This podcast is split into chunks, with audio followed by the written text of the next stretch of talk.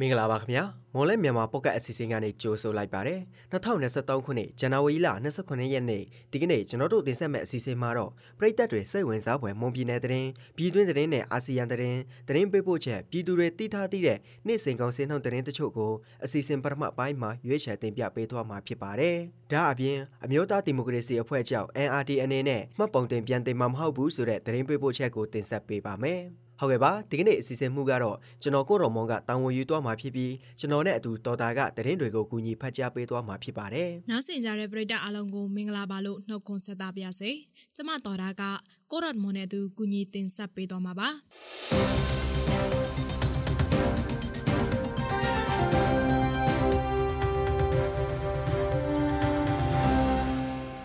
ကြိုက်ထုံမြို့နယ်တိုင်စရမြို့ခြေဆိုင်စစ်ကောင်စီခြေမြန်တပ်ရင်ခမရနှစ်ရခုံးကဖမ်းဆီးထားတဲ့အမျိုးသားတဦးဟာညှဉ်းပန်းနှိပ်စက်ခံရပြီးတေဆုံးသွားတယ်လို့မိသားစုနဲ့နေဆက်သူတွေကပြောပါတယ်။ပြီးခဲ့တဲ့ဇန်နဝါရီလ19ရက်နေ့ကပဲခူးတိုင်းဒေသကြီးရွှေကြည်မြို့နယ်စိတ်ကလေးကြီးရွာနေသူအသက်52နှစ်အရွယ်ကိုကျော်စင်လက်ဟာတားဖြစ်သူနဲ့အတူတိုင်စရမြို့သို့လာရောက်လဲပတ်စဉ်စစ်ကောင်စီရဲ့ဖမ်းဆီးခြင်းကိုခံလိုက်ရတာဖြစ်ပါတယ်။ ကိုကျော်စင်လက်ဟာတိုင်စရာမြို့ရှိစားတုပ်ဆိုင်တစ်ခုမှာဆိုင်ရှင်ဖြစ်သူနဲ့စကားများပြီးနောက်စစ်ကောင်စီတပ်ဖွဲ့ဝင်တွေကခမရ200ခွန်တိုက်ရင်တဲ့ဖမ်းဆီးသွားခဲ့တာပါ အဲ့ဒီနောက်မှာကိုကျော်စင်လတ်ဟာမိသားစုနဲ့အဆက်အသွယ်ပြတ်တောက်ခဲ့ပြီးဇန်နဝါရီလ25ရက်နေ့မှာတော့စစ်ကောင်စီတပ်ကအလောင်းလာပြန်တဲဖို့မိသားစုထံအကြောင်းကြားလာခဲ့တာပါကိုကျော်စင်ဟာစစ်တပ်ဖမ်းဆီးပြီးနောက်မျက်နှာနှခမ်းဥကောင်လက်ဘဲကြောပြင်တို့မှာအညိုမဲဆွဲတန်ရာတွေကြောင့်တေဆုံးသွားခဲ့တာဖြစ်ပါတယ်ကရင်ပြည်နယ်ကျုံတုံးမြို့မှာနှစ်ဖက်တိုက်ပွဲပြင်းထန်နေတာကြောင့်ဒေသခံတထောင်ကျော် ဘေးလွတ်ရာထွက်ပြေးနေရတယ်လို့ကျုံတုံးမြို့ခံတွေကပြောပါတယ်။ကျုံတုံးမြို့ပေါ်အပြင်ကံမလိုက်မလာတော်တော်လဲထော်ကော့ကွေးမိကလူကော့ကာကန်နီကော့ကြိုက်ရွာကလေးကြောက်ဖြာမြင်းဒီကုန်းစတဲ့ရွာတွေကဒေသခံတွေထွက်ပြေးနေရတာပါ။ဇန်နဝါရီလ23ရက်နေ့ကနေစပြီးကျုံတုံးမြို့မိကလိုရွာမှာစစ်ကောင်စီတပ်နဲ့ KM မျိုးသားလူမျိုးရေးတမ်တော် KNLA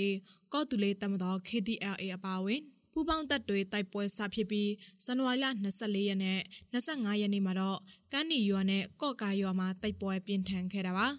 ထပ်ပြနေရတဲ့သူတွေဟာနေထိုင်ရေးနဲ့စားတောက်ရေးအခက်အခဲဖြစ်နေပြီးစောင်းရသည်ဖြစ်တာကြောင့်ကလေးငယ်တွေတော့ကျန်းမာရေးစိုးရိမ်ရတယ်လို့လည်းဆိုပါတယ်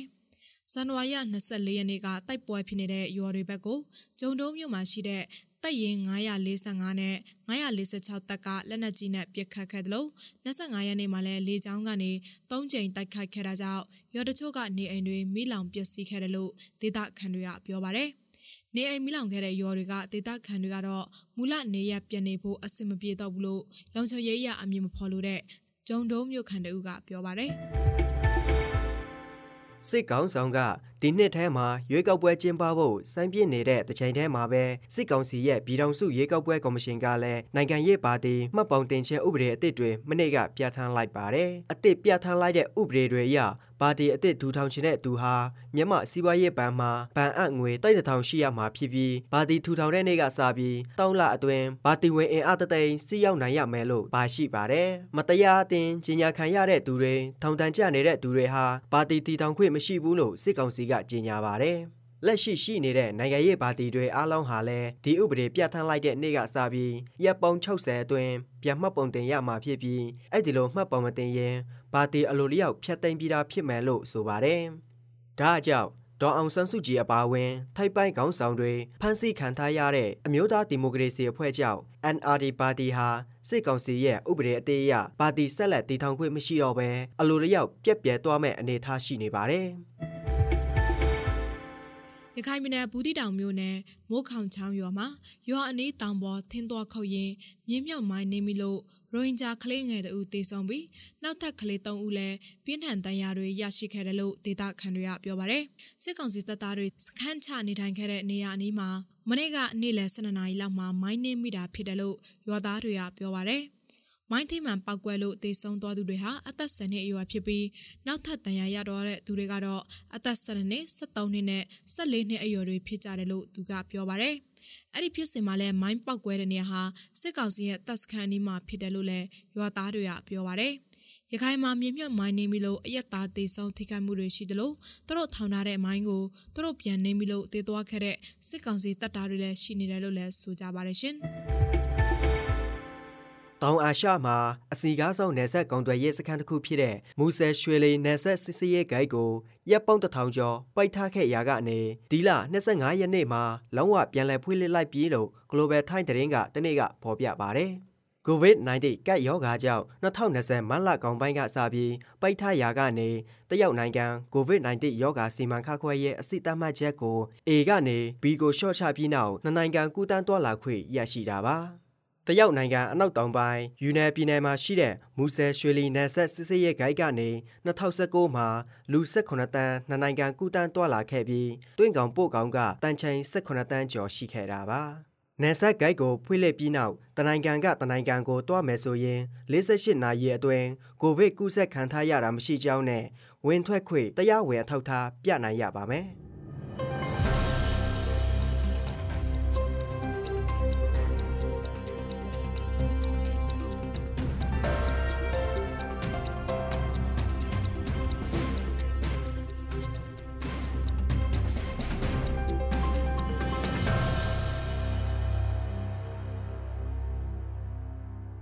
ဆက်လက်ပြီးဘီသူတွေတိထားတိတဲ့နေ့စဉ်ကောင်စီနှောင်းတရင်တချို့ကိုမော်လမြိုင်ကောင်စီတိုင်းကအချက်လက်တွေကိုအခြေခံပြီးကျွန်တော်ကိုတော်မောင်ကတင်ဆက်ပေးပါအောင်မယ်။ဒီကနေ့ထိုင်းနဲ့မြန်မာငွေလဲနှောင်းကတော့ထိုင်းဘတ်86ဒရမ1000ဝယ်ဈေးရှိပြီးတော့ရောင်းဈေးကတော့89ဒရမ1000ရှိနေပါတယ်။ဒေါ်လာဈေးကတော့ အမေရိကန်ဒေါ်လာကိုဝယ်ဈေးမြန်မာငွေ2845ရှိပြီးရောင်းဈေးကတော့2860ရှိပါတယ်။ရွှေဈေးနှုန်းကတော့မီလင်း16ပဲ့ရဲ့တကြက်သားကိုရန်ကုန်ရွှေအသင်းဒီကနေ့ဈေးကွက်မှာတော့22သိန်းဝန်းကျင်ရှိနေပြီးအပြင်ပေါက်ဈေးမှာတော့28သိန်းအထက်မှာရှိနေပါတယ်။စက်သုံးစီတွေကတော့ဒီဇယ်1လီတာကို2495ကျပ်အောက်သိန်း62တလီတာကို2315နဲ့65တလီတာကို2405ထိရှိနေတာပါ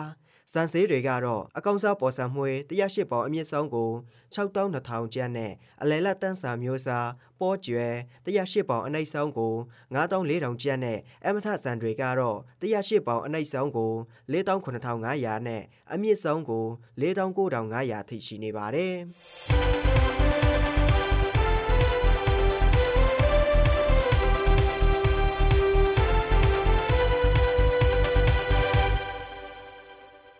အခုတင်ဆက်ပေးသွားခဲ့တာကဇန်နဝါရီလ29ရက်နေ့မှာဖြစ်ပျက်ခဲ့တဲ့မွန်ပြည်နယ်တရင်ပြည်တွင်းတရင်နဲ့အာဆီယံတရင်တွေအပြင်တနေ့တာစီစင်းငွေစင်းနဲ့ကောင်းစင်းနှောက်တွေကိုတင်ဆက်ပေးသွားတာဖြစ်ပါတယ်။ဆက်လက်ပြီးတော့အမျိုးသားဒီမိုကရေစီအဖွဲ့ချုပ် NRD အနေနဲ့မှတ်ပုံတင်ပြန်တင်မှာမဟုတ်ဘူးဆိုတဲ့သတင်းပေးပို့ချက်ကိုစတောက်သစ္စာကတင်ဆက်ပေးပါမယ်။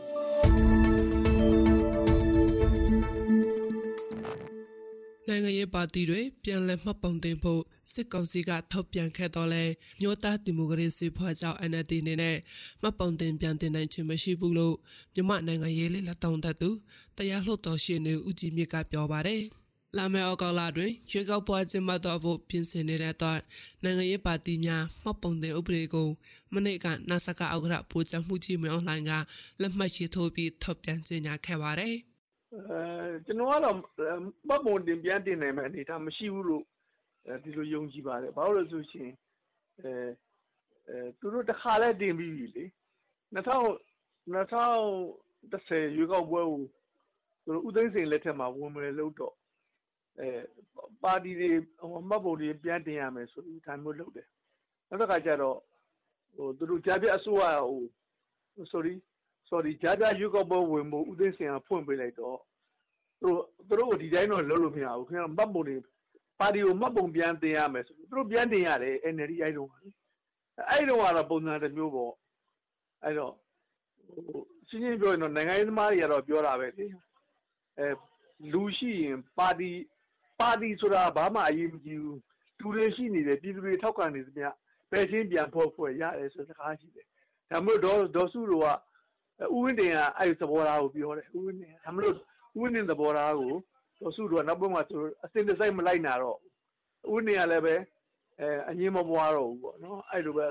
သားပဲနေလိုက်တယ်ပေါ့အဲ့လိုအဲ့လိုတခါပြန်နေတယ်ဒီတခါကတော့လောကတင်တော့မဟုတ်ဘူးဒီတခါတင်လို့ရှိရင်တော့ခွေးပြတော့မှာပဲလေနော်လောကဒါမှမလို့အဲတင်စရာအကြောင်းလုံးဝမရှိဘူးလို့မြင်ပါတယ်နော် လက်ရှိမှာ NLD အနေနဲ့၎င်းတို့ရဲ့ကောင်းဆောင်များစုထောင်ထဲမှာရှိနေကြောင်းဒါပေမဲ့လည်းစစ်ကောင်စီနဲ့တင်းမြတ်တဲ့ပုံကိုယ်တွေ NLD မိခံကမပုံတင်ပြန်တင်မလားဆိုတာကိုတော့မပြောနိုင်ဘူးလို့ရခိုင်နိုင်ငံရေးသမားဥဖေတန်ကပြောပါတယ် NLD ကတော့ခေါင်းဆောင်အများစုကထောင်ထဲမှာရှိရယ်တချို့တောင်မှကြိုးပစ်ကွက်မြခံရတာရှိရယ်လွတ်တော်ကိုယ်စားလှယ်အများအပြားဖမ်းခံရတာရှိရယ်အဲဆီက page တို့ NUG တို့ဆိုတာလည်းအာ ဒီစစ်ကောင်စီကို တော်လန်တိုက်ခိုက်နေတဲ့ အဖွဲ့အစည်းတွေ ဖြစ်နေတယ်ဆိုတော့ သူ့အနေနဲ့တော့ ပြောလဲပြောထားပြီပေါ့ ရွေးကောက်ပွဲလည်း အသိမှမပြုဘူးဟိုပြန်ဟိုရွေးကောက်ပွဲလည်း မဝင်ဘူးပေါ့အဲအဲ့မဲ့ဒါမဲ့ သူတို့တက်ကအဲ့လိုစုံပြူတွေများ ရှိမလားတော့ မပြောတော့ဘူးပေါ့နော်ဟို NLD အမိခံပေါ့ဟိုစစ်ကောင်စီကအာပလဲနံပါတ်တင်တဲ့ ပုံကိုယ်တွေနဲ့ NLD အမိခံပြီးတော့ ဝင်မလားပေါ့ဟောဒါကတော့ နိုင်ငံရေးနဲ့ ဆိုင်သွားပြီပေါ့နော် ဘယ်လိုပဲဝင်ဝင်ပေါ့ NLD တော့ဖြစ်ပါလိမ့်မယ် NLD ဆိုတဲ့နာမည်တော့ ရပါလိမ့်မယ် ဒါပေမဲ့ ပြည်သူကအတိမပြုဖို့တော့ ခက်တယ်အဲဒါမှမဟုတ်တော့ကျွန်တော်တို့တခြားနာမည်နဲ့ ပြောင်းဝင်မလားပေါ့ဟောဒါလည်း ကျွန်တော်တို့တော့ စဉ်းစားနေတာပေါ့ စဉ်းစားကြည့်တာပေါ့နော် ဒါပေမဲ့ ဘယ်လိုပဲဝင်ဝင် ဒီပါတီတွေရဲ့တမိုင်းကတော့ ကောင်းစရာမရှိဘူး ဒီချိန်မှာ ပြီးတော့ NLD ကနောက်တစ်ပါတီ ပြန်လာဆိုတော့ ပြန်နိုင်တယ် NLD နာမည်နဲ့ဖြစ်စေအဲတခြားနာမည်နဲ့ဖြစ်စေ အဲ့ဒီ NLD ကတချို့ပုဂ္ဂိုလ်ကိုတွေကအာပြိုင်နိုင်တယ်ပေါ့နော် အရင်လည်း အဲ့လိုလုပ်ခဲ့တာရှိတယ် ပြည်တော်စုတဝန်လောက်မှာစီရောက်မြစ်ပါတီဖြစ်ပါကပါတီရန်ပေါင်ငွေတိုင်းတထောင်ကိုမြမစီဝါရေးဘဏ်တစ်ခုခုတွင်ငွေစင်းဖွေးလျက်ရမည်ဖြစ်ကြောင်းထို့သူပါတီဝင်ဥယေတသိန်းကိုနိုင်ငံရေးပါတီဖြင့်မှတ်ပုံတင်ခွင့်ပြုတဲ့နေ့မှစပြီးရပ်ပေါင်း90တွင်စီရောက်ရမှာဖြစ်တယ်လို့ထောက်ပြန်ချက်မှာပါရှိပါတယ်။ NLD ပါတီဝင်ချို့ကမှတ်ပုံတင်ပြီးရွေးကောက်ပွဲဝင်လာနိုင်ပြီးတိုးတော်လဲပါတီဝင်အားတန်ရရှိဖို့ခက်ခဲနိုင်တယ်လို့ဦးကြည်မြင့်ကပြောပါတယ်။ ဒါမှမဟုတ်တစ်ခုရှိတာကအန်ရရှိတာက NLD ကအဟောင်းတွေကမဝင်တော့ဘူးဆိုလို့ရှိရင် NLD NLD ထဲမှာဖောက်ပြန်နေတဲ့အုပ်စုတွေရှိရလေပါတီထောင်နိုင်တယ် NLD အနေနဲ့ပါတီထောင်သွားနိုင်တယ်ထောင်သွားပြီးတော့ရွေးကောက်ပွဲဝင်သွားနိုင်တယ်တော့တော့ရှိတယ်ဘာလို့ပြမပါတီကမတင်တော့ဘူးလေပြမပါတီကမဟုတ်မတင်တော့ဘူးဆိုရင်သူတို့ကသူတို့ကသူတို့အနေနဲ့ပောက်ပုံတင်ထားတယ်ပောက်ပုံတင်သွားတယ်ပြီးတော့ ရန်ကုန်ငွေတစ်ထောင်ဆိုတာသူတို့ပဲဘာမှမခက်ဘူးလေ